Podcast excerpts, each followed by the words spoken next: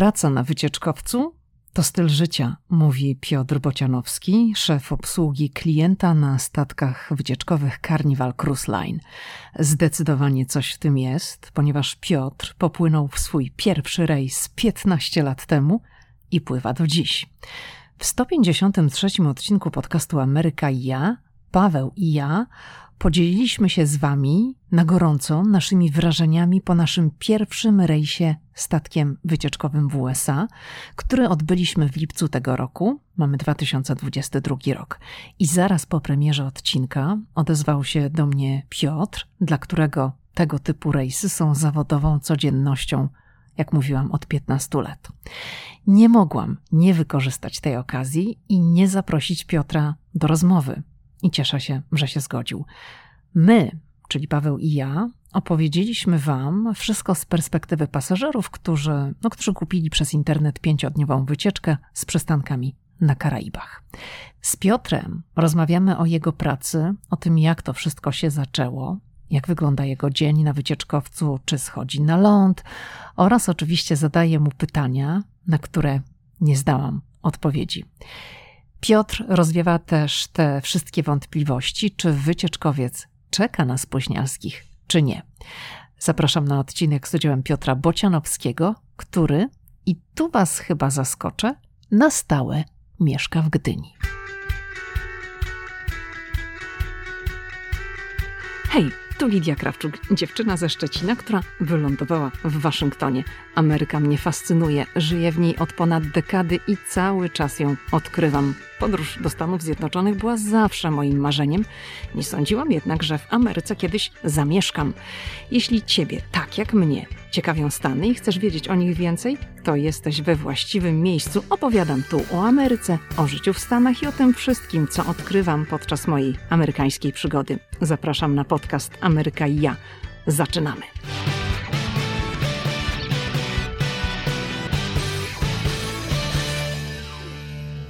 Cześć Piotr. Cześć.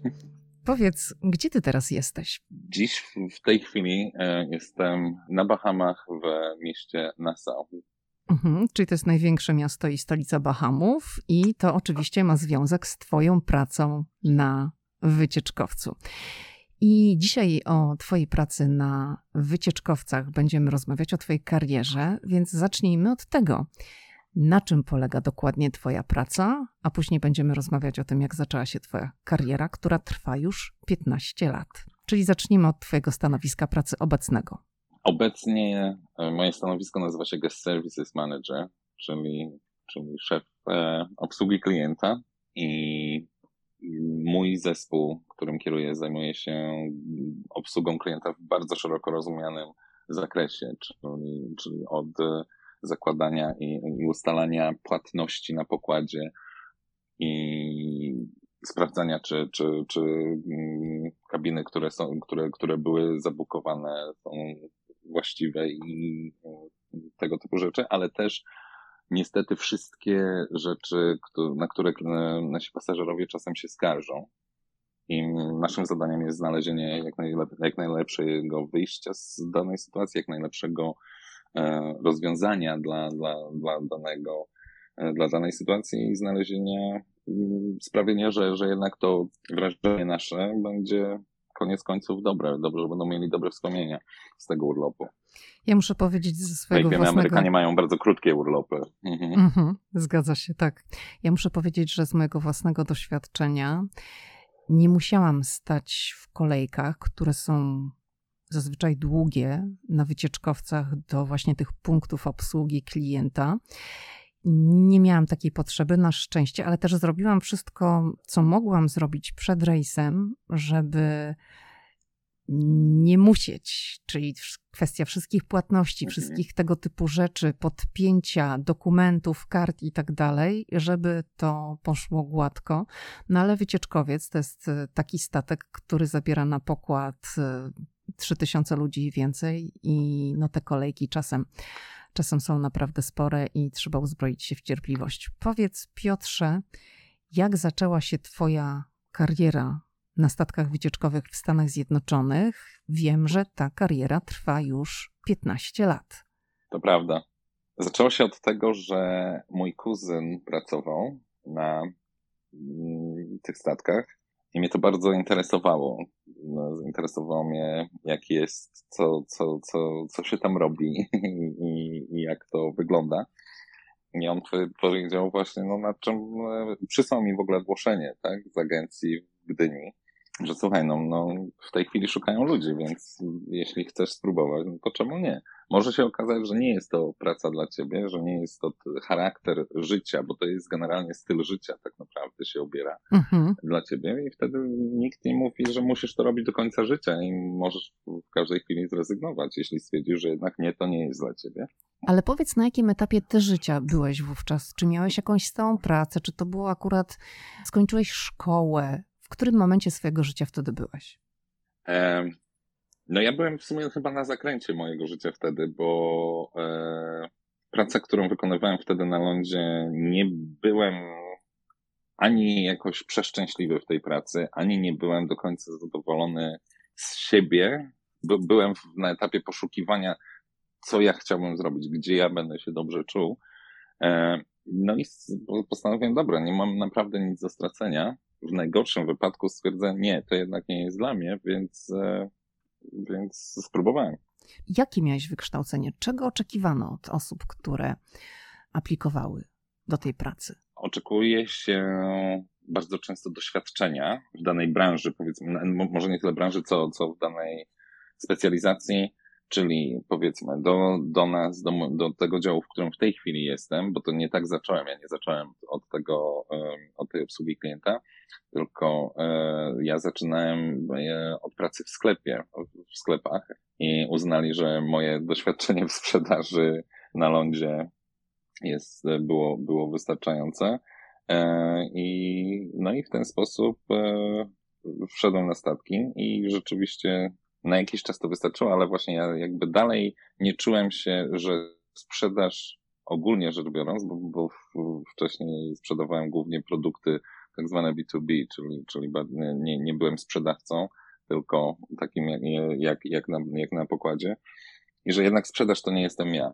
I jak postanowiłem zmienić to, e, zacząłem się zastanawiać, e, właśnie chciałem zostać na statku, ale, ale zastanawiałem się, gdzie gdzie siebie widzę, bo chciałbym, żeby jednak to, to następny, następny krok był taki, żebym ja na, rzeczywiście już był takim sobą. I, postanowiłem, że tak, że rzeczywiście ten, ten front desk chcę tam, bo ja generalnie mam naturę taką, że ja lubię ludziom pomagać. I właśnie stwierdziłem, dobra, to, to, to, to pójdę do customer service. I to zabrzmi bardzo sztampowo, ale moment, w którym wszedłem na, na ten desk, to był moment, w którym stwierdziłem, dobra, to jest to, to jest to, ja to czuję, ja to chcę robić dalej. I no i tak poszło.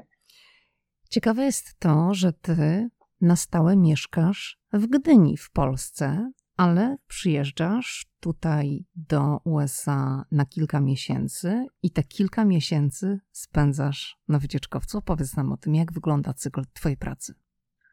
Tak. Um ja robię kilkumiesięczne kontrakty.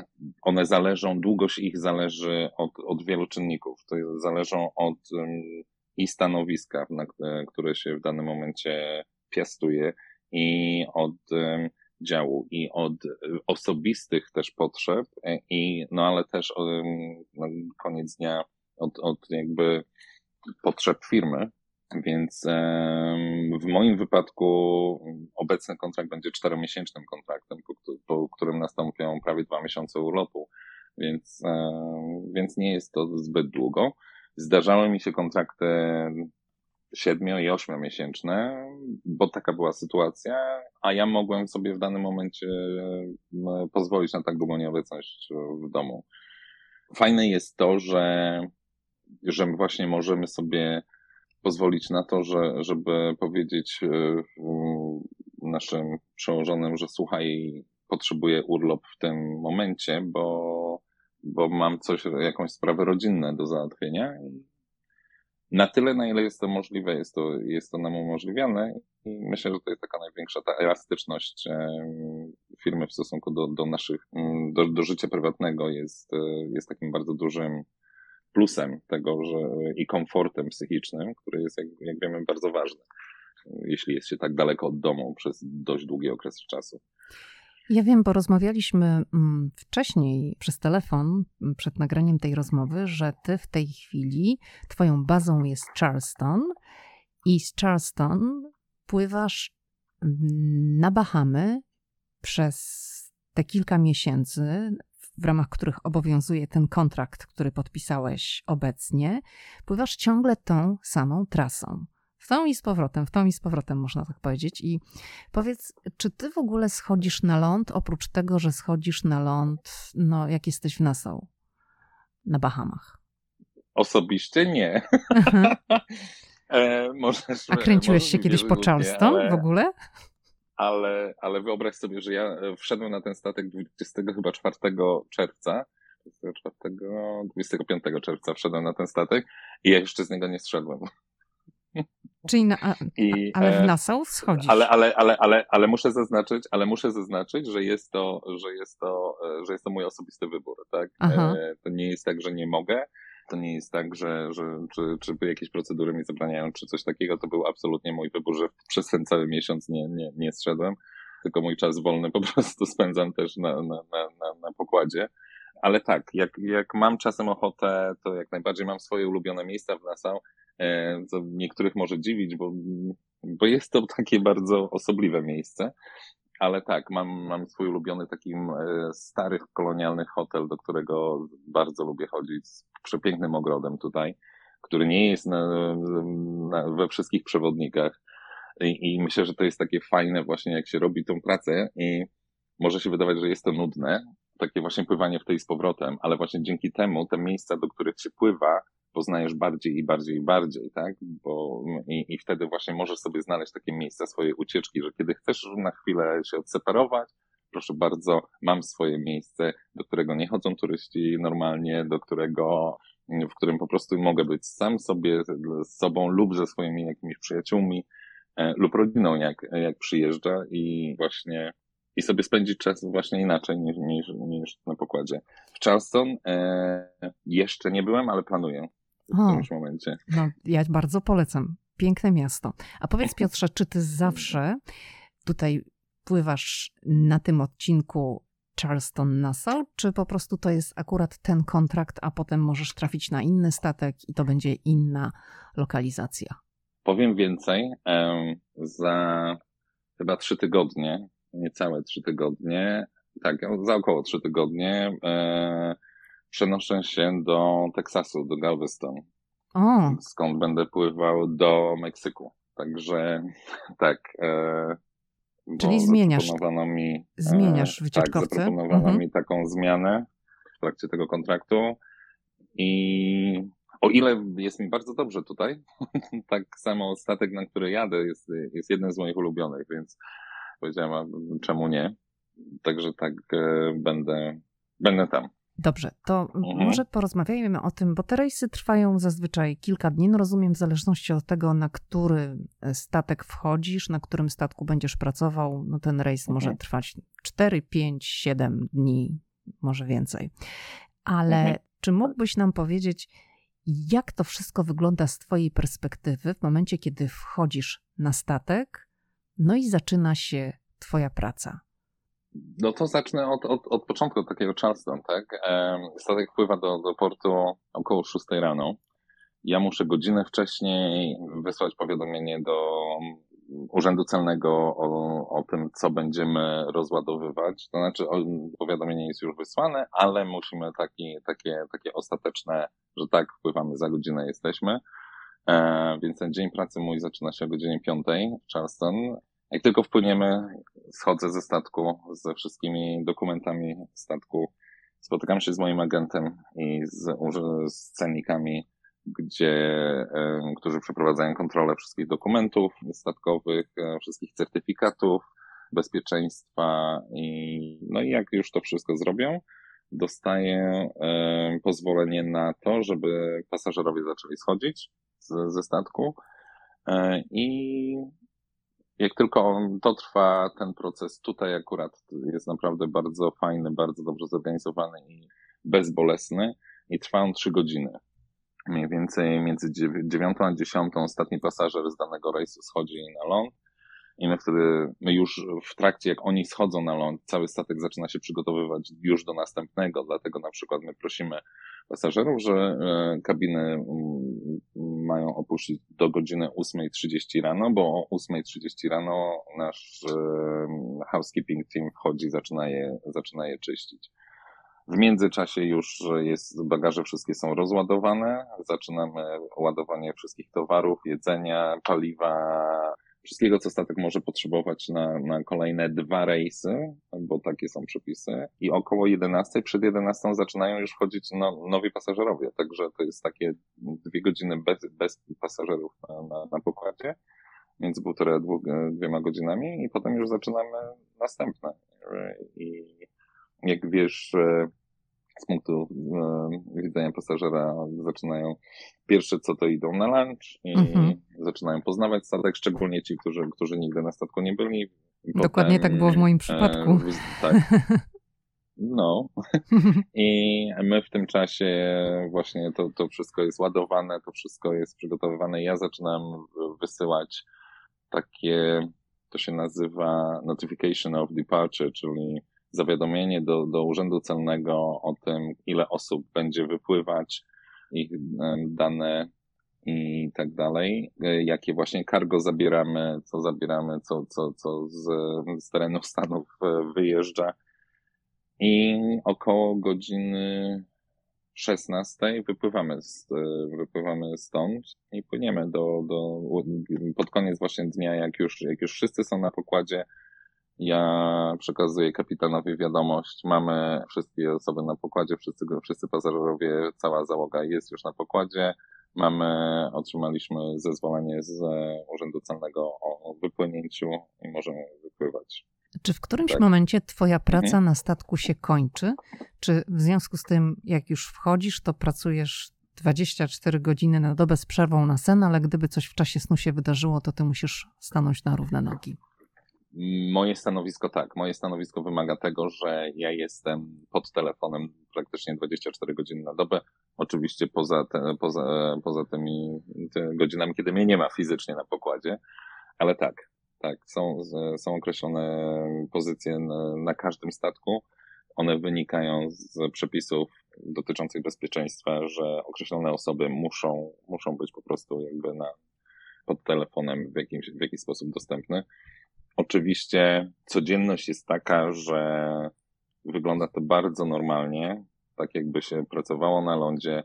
Są dni, kiedy, kiedy pracuje się kilka godzin, są dni, kiedy się pracuje kilkanaście. Zawsze jest czas na to, żeby odpocząć. Spokojny sen gdzieś e, mieć. Moje osobiste stanowisko wymaga jakby bardzo większej dostępności i rzeczywiście dostaję telefony o różnych porach dnia i nocy w różnych przypadkach ale no nie jest tak, że, że pracuje się 24 godziny na dobę, chociaż rzeczywiście pracuje się 7 dni w tygodniu. Czy dbasz jakoś o formę na statku? Na statku jest dużo chodzenia i to są wielkie jednostki i czasem tak jak patrzyłam, to i 10 tysięcy kroków się zrobi dziennie, ale no ty troszeczkę zapewne inaczej funkcjonujesz niż taki typowy pasażer, który kręci się, wiesz, chodzi góra-dół, a to bar, a to mm, leżaczek, a to e, restauracja czy, czy bufet. Więc czy ty jakoś pilnujesz? To dużo chodziłaś. Ja dużo, tak, a niektórzy tak nie chodzą. Mi się tak. wydaje, że tam jest strasznie dużo chodzenia. Nie, nie. Ja 10 tysięcy. Jest dużo chodzenia, ale, ale, ale tak. Ja 10 tysięcy dziennie, ale, wiesz. Ale... Nie, moje średnie, moje, moje średnie kroki są 14, 14, 14,5 tysiąca. No to dużo też chodzisz. Dużo chodzę. Mhm. Teraz jest jeszcze jakby dla mnie, ja mam trochę dodatkowych obowiązków, dlatego że zastępuję w tej chwili dyrektora hotelu, więc mi cały hotel podlega w tej chwili, więc mam tego chodzenia jeszcze, jeszcze więcej. Ale tak, taka moja średnia przy takim normalnym dniu to, to jest właśnie 14,5 tysiąca kroków. Nie musisz na siłownię e... chodzić. Znaczy możesz, ale nie musisz tak 14 wyrobić. Mogę, ale nie muszę. tak. Dokładnie, tak.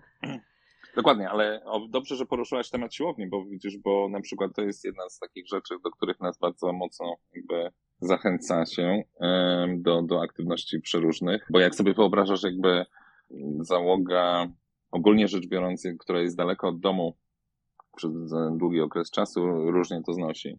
Jedno, jednym z dobrych, z fajnych rzeczy, jak, jak sobie radzić ze stresem bycia daleko od rodziny, jest właśnie aktywność fizyczna. I my mamy dostęp zarówno do tej pasażerskiej siłowni, jak e, i mamy swoją osobną załogową siłownię, także jakby przestrzeni tej jest, jest trochę dla, dla, dla załogi również. I bardzo, bardzo dużo ludzi to robi. Nawet e, znam takie przypadki, że ludzie kompletnie zmieniają swój, jakby swoją fizyczność e, w ostatnich latach. Często kogoś nie widzę przez powiedzmy 2-3 lata i potem się spotykamy i tak patrzę, ojej, ćwiczyłeś lub ćwiczyłaś bardzo dużo przez ostatnie lata chyba. Czyli na lepsze. Widzę kompletnie inne. Mhm. tak, tak, tak, tak. Mhm. Także jest to bardzo popularne wśród załogi. A powiedz Piotr, jak wygląda, czy ty masz swoją własną kabinę? Rozumiem, że masz dostęp do internetu, bo rozmawiamy teraz przez łącze internetowe, ale no jak wygląda taka twoja strefa prywatna na takim wycieczkowcu? Masz swoją, czy z kimś dzielisz okay. kabinę? Obecnie mam swoją. Przez e, dużą część tych, e, tych 15 lat, bo łącznie wszystkiego razem było 6 lub 7 lat, że musiałem dzielić z jedną osobą. I to jest też bardzo ciekawe doświadczenie, bo mi to, mi to szczerze mówiąc trochę przypomina taki akademik, gdzie właśnie są takie dwuosobowe pokoje, wszyscy razem się bawią, wszyscy razem pracują, tudzież no, w przypadku akademików oczywiście studiują atmosfera takiego dorosłego akademika, jeśli możesz sobie to wyobrazić, ale mhm. tak, e, bardzo długo to tak porównywałem do tego i myślę, że najbardziej przypomina to takie życie statkowe e, załogi do, do takiego akademickiego życia. Z tym, że tutaj trzeba chodzić do pracy. Czyli rozumiem, że załoga w czasie wolnym też sobie imprezuje. Zwykliśmy, Aha. że tak powiem. Tak, bo, bo jakby bardzo dużo się zmieniło to przez, przez te 15 lat. To, to są dwa kompletnie inne światy. To, co, to, to, jak to wyglądało kiedyś, jak to wygląda teraz. Mentalność załogi też się, też się zmieniła. Kompletnie inne pokolenie weszło też, jakby za, zaczęło teraz pracę. I, o, ciekawe. E, ale tak, e, są, e, są organizowane przeróżne tak, tak zwane aktywności dla załogi. No teraz jest o tyle trudniej, że jeszcze mamy te procedury po, po covidowe i covidowe, więc jakby naprawdę staramy się, żeby tych zebrań dużych było, było mniej, żebyśmy jednak byli bezpieczni i, i, i jakoś, mm, a wiadomo, że, że te stare imprezy, które, które były kiedyś, to je, naprawdę jeden na drugim był na, na, na, na tych imprezach, więc jakby z tych powodów e, jest to ograniczone, ale, ale staramy się jakby zapewniać, zapewniać inne inne rzeczy, inne aktywności. Na przykład jedną z bardzo popularnych e, rzeczy jest, e, która odbywa się raz w miesiącu, jest załogowe bingo. Mhm. I to jest, to, to jest bardzo ciekawy fenomen. Coś, co na przykład w Polsce jest no, bardzo mało znane i bardzo mało rozpowszechnione. Tu raczej kojarzy się z, no, ze starszymi ludźmi raczej, a dla załogi to jest wydarzenie miesiąca. Szczególnie dla, dla jakby nie no, myślę, że dla każdego, tak? Bo ja miałem i kapitana, który wygrał bingo i teraz w ostatnim miesiącu mój kolega z innego działu. Także tak, to jest tak e, chyba obecnie naj, najbardziej oczekiwane, najbardziej wyczekiwane przez załogę wydarzenie, takie przeznaczone tylko dla załogi. A może powiedz trochę o zasadach, bo dla pasażerów też jest gra w bingo w ramach rejsu. Można tam sobie mhm. pójść i zagrać. To mm, tak jak powiedziałeś, ta grań może nie do końca jest taka popularna i znana w Polsce. To może powiedzmy na czym polega.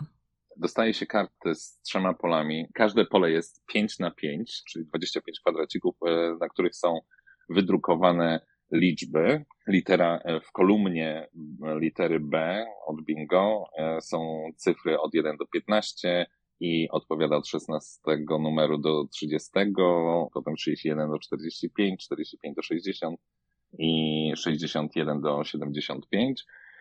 I są wywoływane losowo wybrane numery z tych kolumn i kto pierwszy, zaznaczy, że na jego karcie były wydrukowane numery, które były wywołane, musi właśnie wstać, krzyknąć bingo i ta osoba wygrywa główną nagrodę.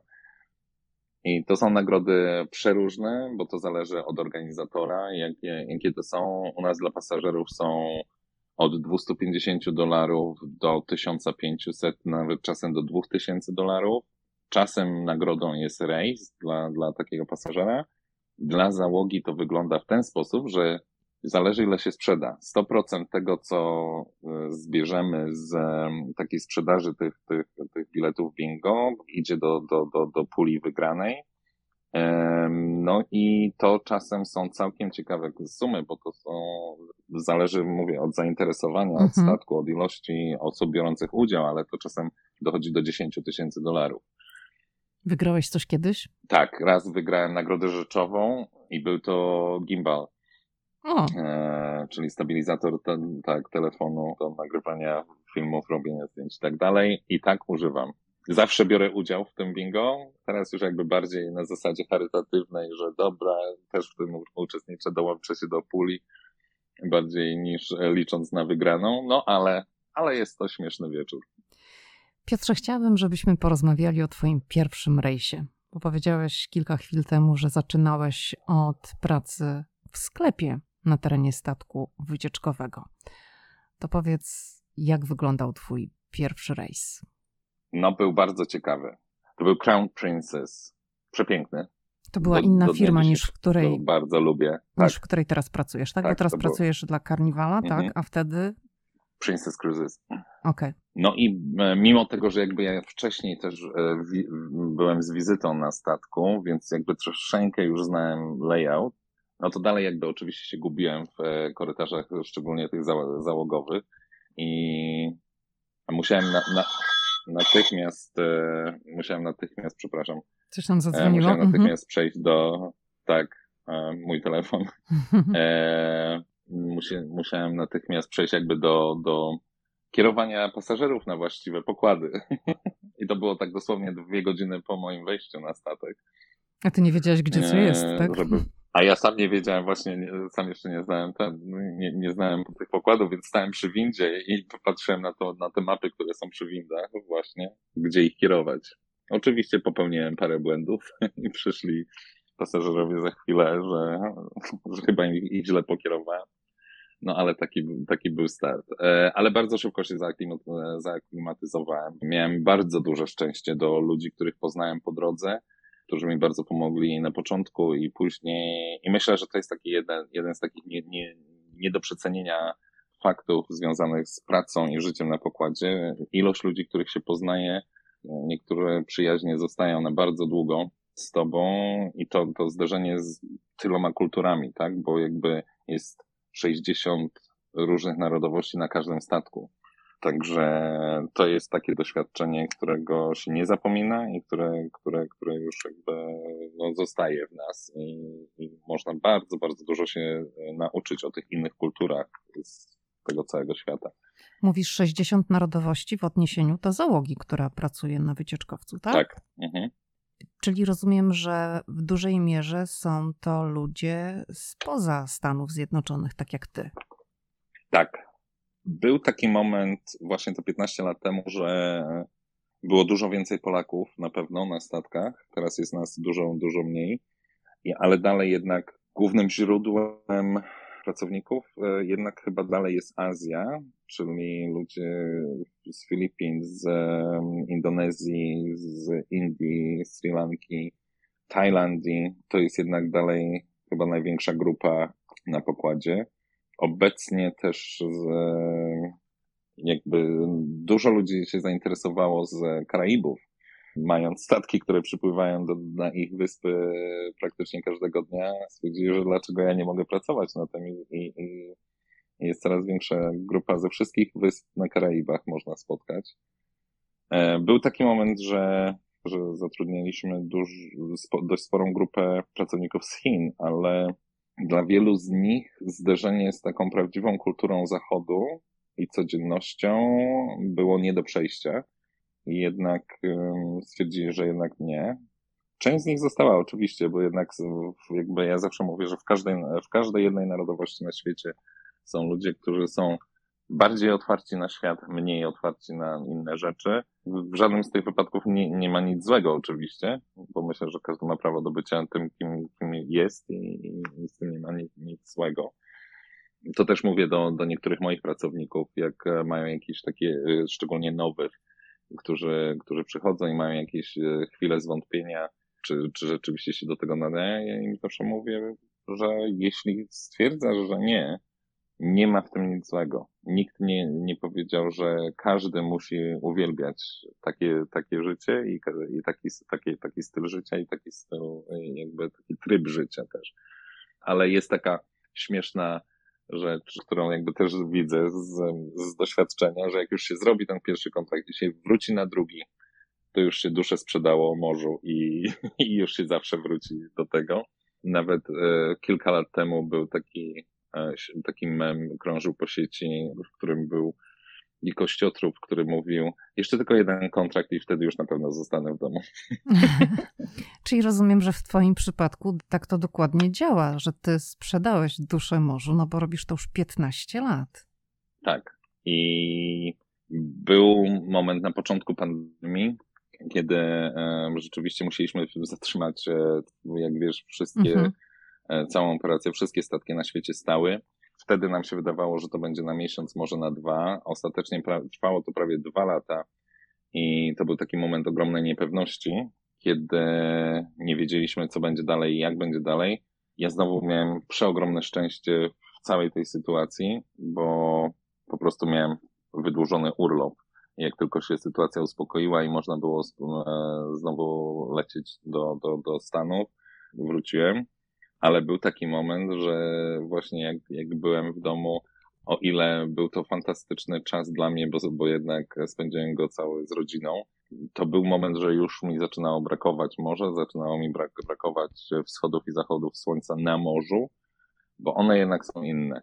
Uwielbiam wschód słońca w Gdyni, tak, ten wschód i zachód słońca na morzu jest inny.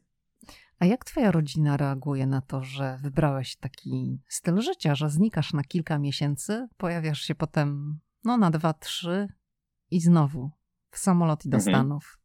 No to też mam szczęście, bo super, super wspierają, rozumieją i tak dalej. I pamiętam, jak kiedyś moja mama właśnie mi powiedziała, to był chyba mój drugi czy trzeci kontrakt, jak powiedziała mi, że wiesz co, o ile bardzo nie lubię nie widzieć ciebie tak długo, tak fascynacja, z jaką mi o tym opowiadasz mi o swojej pracy i jak ja widzę, jaki ty w końcu jesteś szczęśliwy, to mi wynagradza to, że ciebie nie ma. A zabrałeś kiedyś rodzinę mhm. na taki rejs, gdzie ty pracowałeś, a twoja rodzina na przykład bawiła się w tym czasie na statku, czy to jest w ogóle nawet niewskazane? No, tak się dzieje prawie na każdym kontrakcie. O! że, że przyjeżdżają mnie odwiedzić, tak przyjeżdżają mnie odwiedzić, lecą z Europy, gdzie ja tam jestem i zostają ze mną w zależności od ich możliwości urlopowych. I po prostu, no ja, ja robię swoje, oni się urlopują, wieczorami się spotykamy, spędzamy czas razem. Na tyle, na ile mogę zejść ze statku, to, to tak samo też w portach. Oczywiście nie zawsze jest to możliwe, nie cały czas mogę ze względu na moje obowiązki, ale tyle czasu, ile mogę, to im poświęcam. Na szczęście wszyscy są bardzo samodzielni i nie wymagają jakiejś super opieki, chociaż oczywiście zawsze się chce jak najwięcej i jak, naj, jak najlepiej. I no jest to fajne, e, ale też wybraliśmy się całą rodziną na rejs, na którym ja nie pracowałem, tylko też byłem pasażerem, także, także to było też e, bardzo ciekawe doświadczenie. Piotrze, powiedz, czego nie widzi pasażer wycieczkowca? Już wspomniałeś wcześniej, że jak płynąłeś w swój pierwszy rejs, to gubiłeś się w gąszczu tych korytarzy, zwłaszcza dla załogi, mhm. w tych częściach pokładu. Ale powiedz nam trochę o tym, co się dzieje za zamkniętymi drzwiami, jak ta praca wygląda, przygotowywanie posiłków, sprzątanie, ten cały serwis, bo to jest naprawdę wielkie przedsięwzięcie. Jeżeli na statek wchodzi 3000 osób, no to jest tam 1000 osób, które tak. pracują na wakacje tych osób bawiących się na pokładzie. Czego my nie tak. widzimy tak naprawdę? Hmm. Na przykład bardzo dla mnie było, było ciekawe pierwszy raz odwiedzić e, statkową pralnię, która jest normalnie pralnią przemysłową, tak? Bo to jest co najmniej tysiąc pościeli do, do, do wyprania prakty, praktycznie każdego dnia. To są tysiące ręczników, które, które, które muszą być wyprane, wysuszone, złożone i dostarczone w odpowiednim czasie w odpowiednie miejsca. I myślę, że, że jakby to, to był taki pierwszy, pierwszy rzut. Może dlatego, że nasz magazyn sklepowy wtedy był bardzo blisko pralni, ale na przykład to mnie dalej zadziwia szybkość, z jaką taki cabin steward y, jest w stanie e, wyczyścić kabinę, zmienić pościel, e, właśnie ręczniki i przygotować to dalej lub po prostu posprzątać w ciągu dnia, jak pas, pasażera nie ma, e, po prostu w, jak, w, jak, w jakim ogromnym, szybkim tempie oni są to w stanie zrobić. E, był taki moment, że ja stwierdziłem, dobra, ja też chcę to zrobić, bo ja chcę zobaczyć, jak, e, jak to się robi, że, że jest to tak szybko. I był taki moment, że właśnie spróbowałem rzeczy, których nie widać, to właśnie przygotowanie posiłków, tak? Bo to jest jakby właśnie też wydanie tych trzech tysięcy kolacji, tak? Każdego jednego dnia. No właśnie. E, mhm. to, to, to jest dla mnie ko kolejne coś, za co ja bardzo tych ludzi podziwiam i bardzo z, tak, z tą samą fascynacją za każdym razem, jak wchodzę do kuchni, to, to, to, to, to właśnie no, obserwuję to i to, jak, jak to szybko znika, tak? Jak te talerze latają w tej z powrotem, tak? Tutaj już trzeba te, właśnie 15, grupa 15-osobowa właśnie usiadła do stolika, dobra, lecimy z tym i ten kelner leci z dwoma tacami, na których jest pełno talerzy poustawianych i że, i że im to nie, nie, nie spada. E, ale też ty mnie zapytałaś na przykład o resztki. Tu jest coś, z czym Naprawdę mam duży, duży mhm. osobiście. Zapytałam cię w rozmowie telefonicznej. tak, taki mhm. osobisty. Co się, tak, co się... O, o, mhm. o, o resztki, tak, resztki jedzenia. Przez wiele, wiele lat było tak, no tutaj technologia nam wychodzi naprzeciw, e, żeby było to jednak jak najbardziej przyjazne.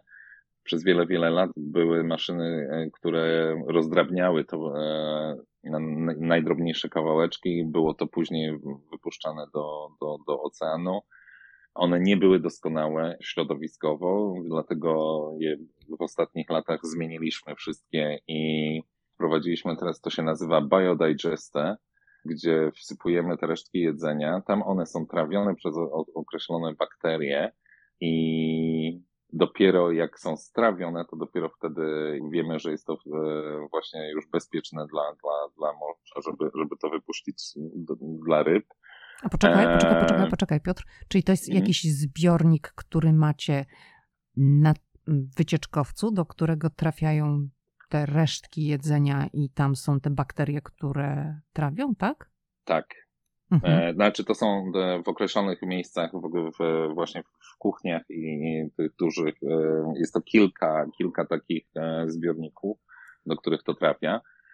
Oczywiście po separacji, bo to jest też dzieli na miękkie resztki, twarde resztki i tak dalej. Nie wszystkie mogą tam trafić, tak? Niektóre, niektóre trafiają do spalarni i, i tak dalej, bo na przykład też mamy bardzo ściśle śmieci, tak?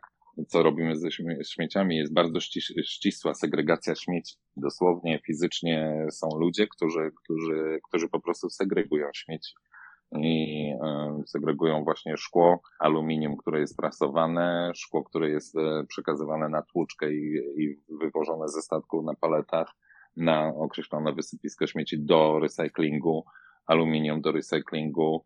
Papier jest spalany, ale może to być też tylko właśnie papier, który, który może być spalony, żeby, żeby było to bezpieczne. Jest przeogromny nacisk na jednak normy środowiskowe, i tak dalej, wbrew, wbrew temu, co, co, co ogólnie się sądzi, to normy środowiskowe, które, które my spełniamy, są tak duże, że wiele nowoczesnych miast miałoby problem z tym, żeby, żeby takie normy e, dogonić i je spełnić.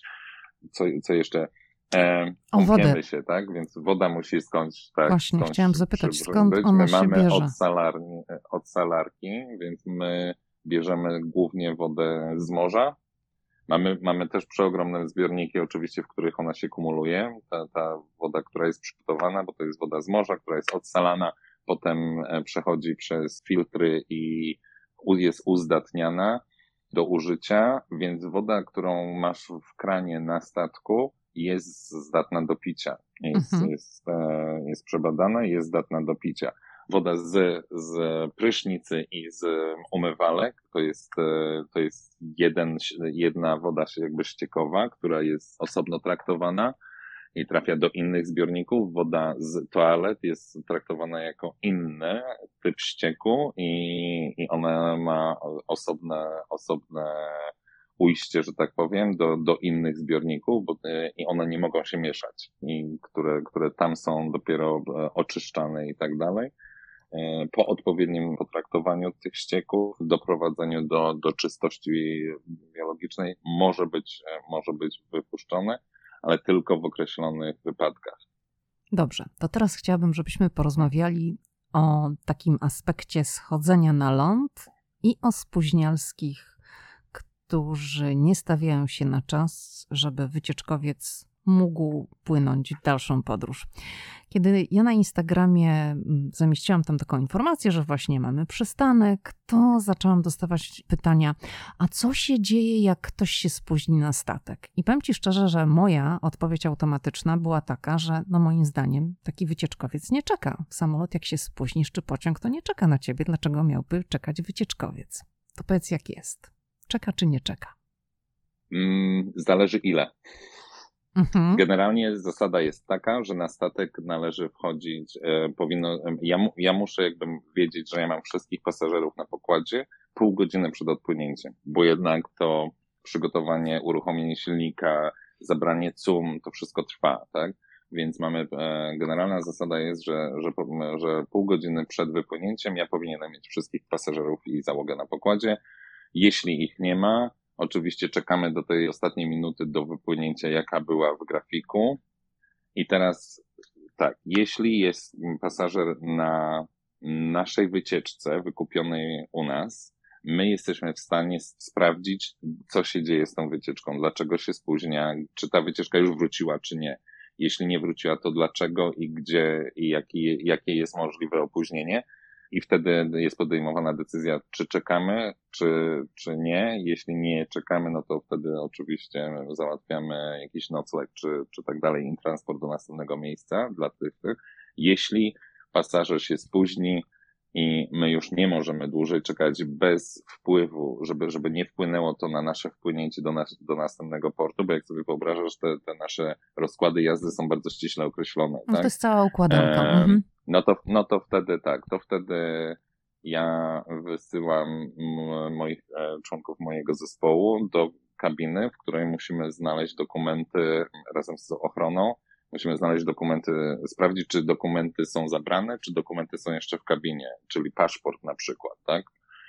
Jeśli taki dokument jest znaleziony, jest przekazywany agentowi, no i statek wypływa. I wtedy pasażer taki musi zdecydować, czy będzie wracał na statek w następnym porcie, czy wraca do domu. Ale to już odbywa się na, jakby na, na koszt pasażera oczywiście.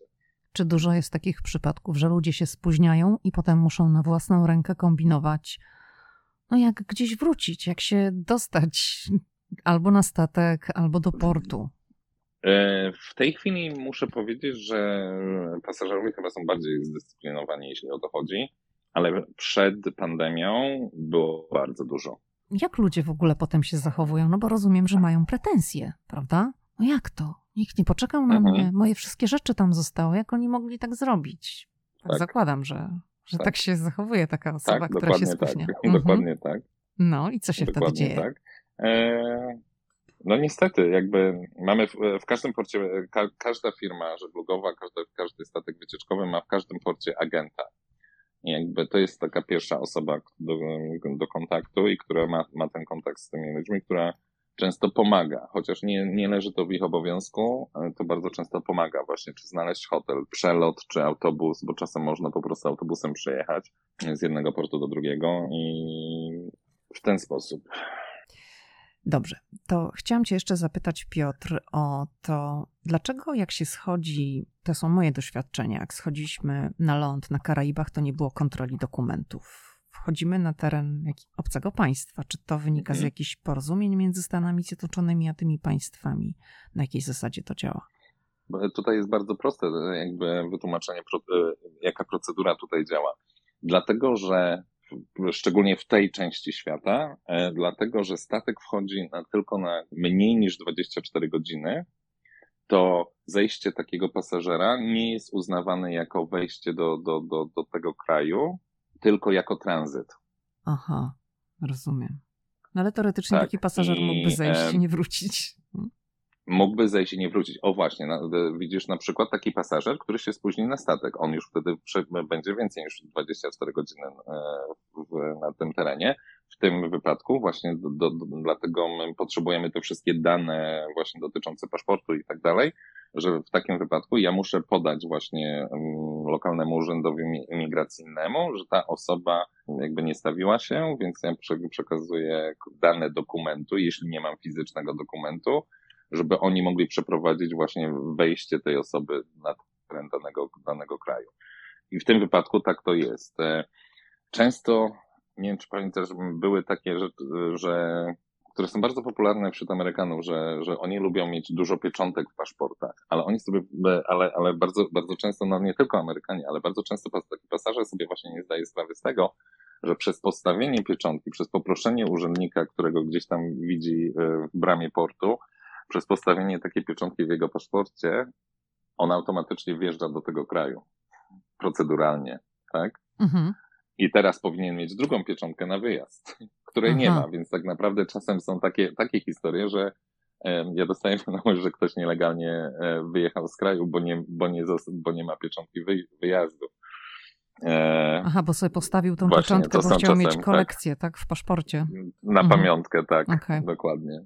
Dobrze, to teraz chciałam Cię zapytać o opiekę zdrowotną na takim wycieczkowcu. Mhm. Czy ubezpieczenie takie, na przykład jak masz amerykańskie, to ono działa tak samo na wycieczkowcu, czy powinno się kupić nowe ubezpieczenie i jakie powinno Nie. mieć? Nie działa? Nie, to, to, to, to, no, to takie podstawowe amerykańskie, znaczy generalnie na, na statkach, e, w związku z tym, że one są jakby po, poza, poza danym krajem, nie działają ubezpieczenia. Ubezpieczenie działa jedynie w ten sposób, że można e, za, za tą wizytę czy procedurę się płaci na miejscu i potem można odzyskać pieniądze. My mamy podpisaną umowę z jednym ubezpieczycielem i myślę, że jest to jedno z najlepszych ubezpieczeń, jakie ja w życiu widziałem, dlatego że ono naprawdę kosztuje niewielkie pieniądze i przy tych takich małych rzeczach rzeczywiście ten pasażer musi dalej musi to, to zapłacić na miejscu, Potem oni jednocześnie w związku z tym, że to jest umowa z nami, e, jak widzą, że jest to e, od naszego lekarza, nie, ma, nie, nie kwestionują tego, pieniądze są bardzo szybko wypłacane. Ale w przypadku dużych rzeczy, na przykład pamiętasz, rozmawialiśmy o ewakuacji helikopterem, mhm. takie, tego typu transakcje, które kosztują bardzo duże pieniądze, są rozliczane już bezpośrednio między tym ubezpieczycielem a firmą, która, która, która daje tą ewakuację, tak? Świadczy tą ewakuację. Także, a, a miałem sytuację, gdzie na przykład trzeba było e, zawołać e, karetkę powietrzną z Miami, żeby e, przyleciała do, na Arubę po pasażera, tak? I to był już na przykład koszt, e, no dużo, dużo większy, to były dziesiątki tysięcy dolarów e, i to były koszty, które, były, które są rozliczane między, między ubezpieczycielem a, a tą firmą. A na szczęście w dzisiejszych czasach też e, jakby ludziom e, bardziej jakby się uświadomiła potrzeba takiego ubezpieczenia w związku po, po COVID-zie, ale e, dalej ja widzę nawet wśród ludzi, których znam, że nie każdy, nie każdy rzeczywiście myśli o tym, żeby, żeby, żeby sobie takie, takie ubezpieczenie zapewnić podróżne. Czyli każdy Także... pasażer powinien sobie dodatkowo kupić mhm. ubezpieczenie mhm. zdrowotne, jak wybiera tak, się jest na... To, mhm. Jest to bardzo, bardzo, e, bardzo silnie wskazane. Mhm.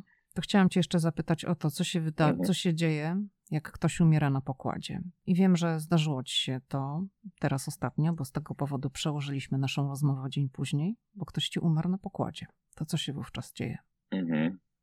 Pierwsze, co robię, to zapewnienie maksymalnego komfortu i przestrzeni na przeżywanie tego zdarzenia dla rodziny i tudzież osób jakichś najbliższych, bo, bo chyba nie ma nic ważniejszego w tym momencie.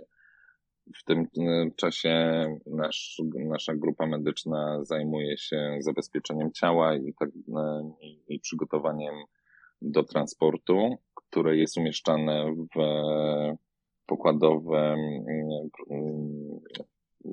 prosektorem w sumie, tak? Czy kostnicy, tak? Hmm. Takie kostnicy, o, tak, mhm. właśnie, kostnica bardzo, bardzo, dużo bardziej, w którym czeka na przyjazd z powrotem do domu i do, do, do portu wyjściowego, z którego firma pogrzebowa zabiera już do, do miejsca docelowego.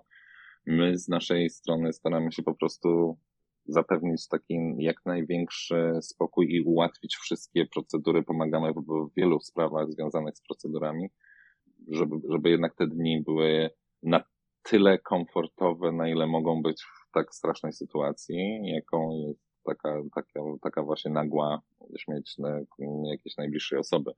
Więc e, i to jest to, na czym, na czym się skupiamy. Mamy taki dział, który nazywa się Care Team, który natychmiast jest powiadamiany i który jest już później w kontakcie zarówno z osobą, którą to dotyka bezpośrednio, jak i z rodziną.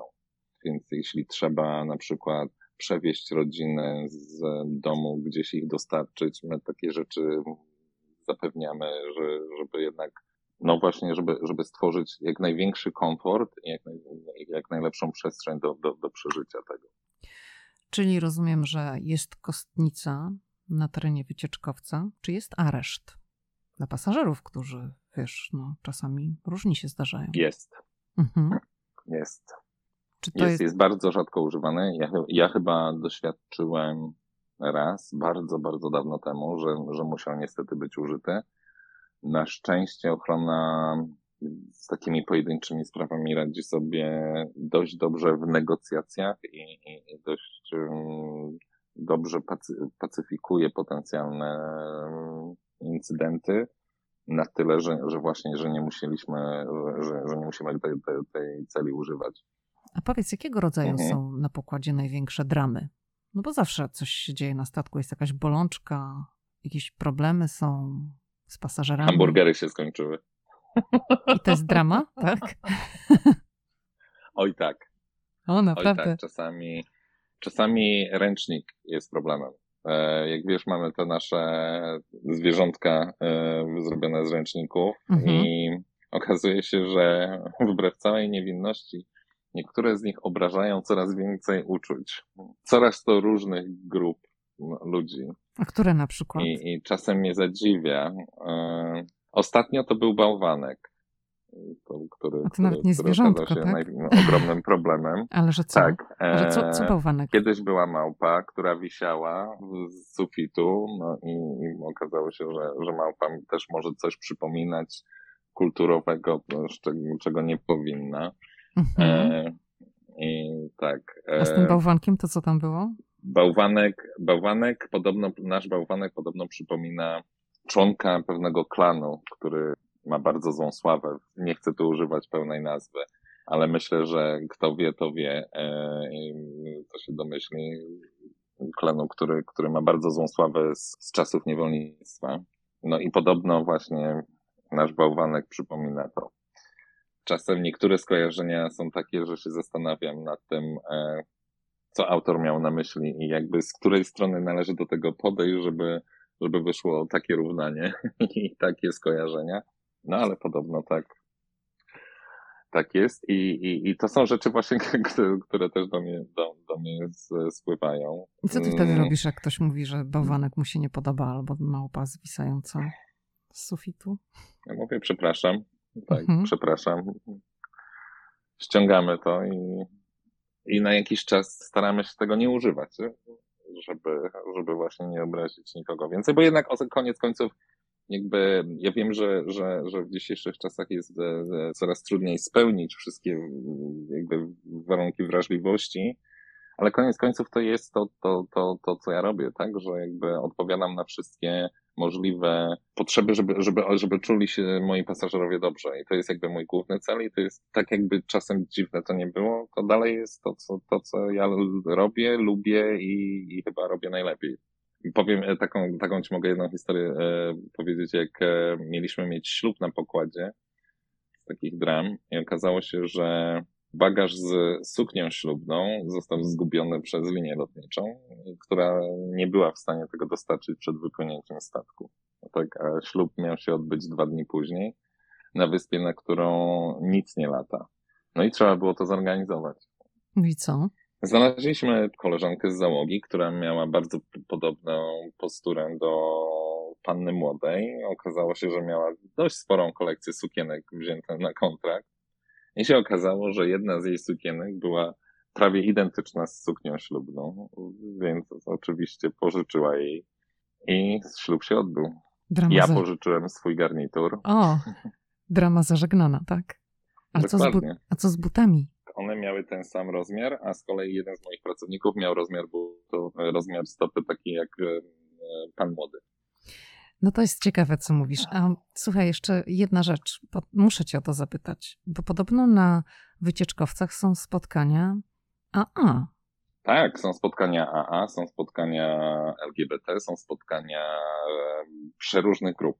Tyle tylko, że my udostępniamy miejsce, bo tu chodzi o to, że ci pasażerowie jakby są w trakcie swojego procesu wychodzenia, wychodzenia z, nałogu. Z nałogu. Mhm. I tak, i te, i te ich cykliczne spotkania są dla tego procesu bardzo ważne, że one, że one się odbywają cyklicznie. Tak? A to nie chodzi o to, że pasażerowie tak tam po prostu imprezują, że już trzeba ich wysłać, tylko to chodzi o pasażerów, którzy są w procesie i żeby nie przerywali procesu. Okay. Tak. Bo, się, mhm. bo myślałam, tak. że to chodzi o to, że Dokładnie. po prostu tyle się imprezuje na takim pokładzie, że niektórzy już potrzebują zacząć uczestniczyć w takich spotkaniach. Jeszcze jedno mam do Ciebie pytanie. Czy na wycieczkowcu jest wystarczająco dużo szalup ratunkowych dla wszystkich pasażerów w razie jakiejś sytuacji awaryjnej? Musi być. I e, fajnie, że o to zapytałeś, bo to jest dość częste pytanie. I to właśnie na przykład, e, pamiętasz jak rozmawialiśmy o pojemności statku, na którym ty byłaś, mhm. to właśnie pojemność statku taka reklamowa jest liczona na podstawie ilości kabin razy dwa łóżka, ale właśnie kabiny są trzy i czteroosobowe e, też e, i a pojemność statku całkowita i dopuszczalna jest liczona na podstawie ilości miejsc w, e, w łodziach ratunkowych, bo są łodzie ratunkowe i szalupy ratunkowe, te duże, które wiszą na, po, po bokach statku, one są, to, to są właśnie łodzie i teraz w zależności od tego, jak e, statek daleko pływa, to Straż Przybrzeżna wystawia certyfikat, że do, te, do takiej ilości ludzi może wejść do tych łodzi ratunkowych, bo tyle jest miejsc w łodziach ratunkowych, więc tyle ludzi może wejść na statek. Załoga jest liczona osobno, bo mają szalupy ratunkowe. I jeszcze ponad, e, ponad to musimy mieć całkowitą ilość miejsc w szalupach i w łodziach ratunkowych. Musi być podwójna w stosunku do maksymalnej dopuszczalnej ilości pasażerów i załogi na pokładzie, bo to się właśnie, jak ja wysyłam taki mój raport, ja powiem, mówię, że mam tyle pasażerów, tyle załogi, co daje łączną ilość ileś tam dusz na pokładzie. I te wszystkie dusze muszą się zmieścić w łodziach i w szalupach. Piotrze, słyszę, że się przemieszczasz i już opuściłeś miejsce, z którego nagrywałeś, bo ja to słyszę już po jakości dźwięku, że gdzieś, że gdzieś idziesz i wiem, że musimy kończyć naszą rozmowę, bo masz swoje obowiązki, ale chciałam cię już tak na koniec zapytać ostatnia rzecz. Jak długo ty zamierzasz pracować w tym systemie i no, jakie masz plany na przyszłość? Czy myślałeś o tym, żeby się osiedlić w Stanach? Był taki czas, że tak, że tak myślałem Dziś już tak nie myślę. Dziś już e, myślę, że Euro, jeśli nie Polska, to Europa. I nie dlatego, że, że, że mam coś przeciwko Stanom, bo naprawdę bardzo się ich nauczyłem i Stany potrafią być fascynujące, ale myślę, że dla mnie mimo wszystko ja jestem jednak Europejczykiem i ja jednak mimo wszystko chcę osiedlić w, w Europie. Kiedy to nastąpi? W tej chwili nie jestem w stanie tego sobie przewidzieć. Ciągle mi się właśnie, ja jestem jak ten z tego, z tego, z tego mema. Właśnie jeszcze jeden zrobię, jeszcze jeden kontrakt i już wtedy, już wtedy będzie koniec. A tu się okazuje, że są nowe, fajne rzeczy do, do, do osiągnięcia i kurde, no, no chyba chcę to zrobić. Piotr Bocianowski był gościem podcastu Ameryka i ja. Bardzo Ci dziękuję za rozmowę. Dziękuję bardzo Ci za zaproszenie i muszę powiedzieć, że zafascynowały mnie Twoje podcasty. O, bardzo mi miło. Bardzo mi miło i jeszcze raz bardzo dziękuję Ci za tę rozmowę.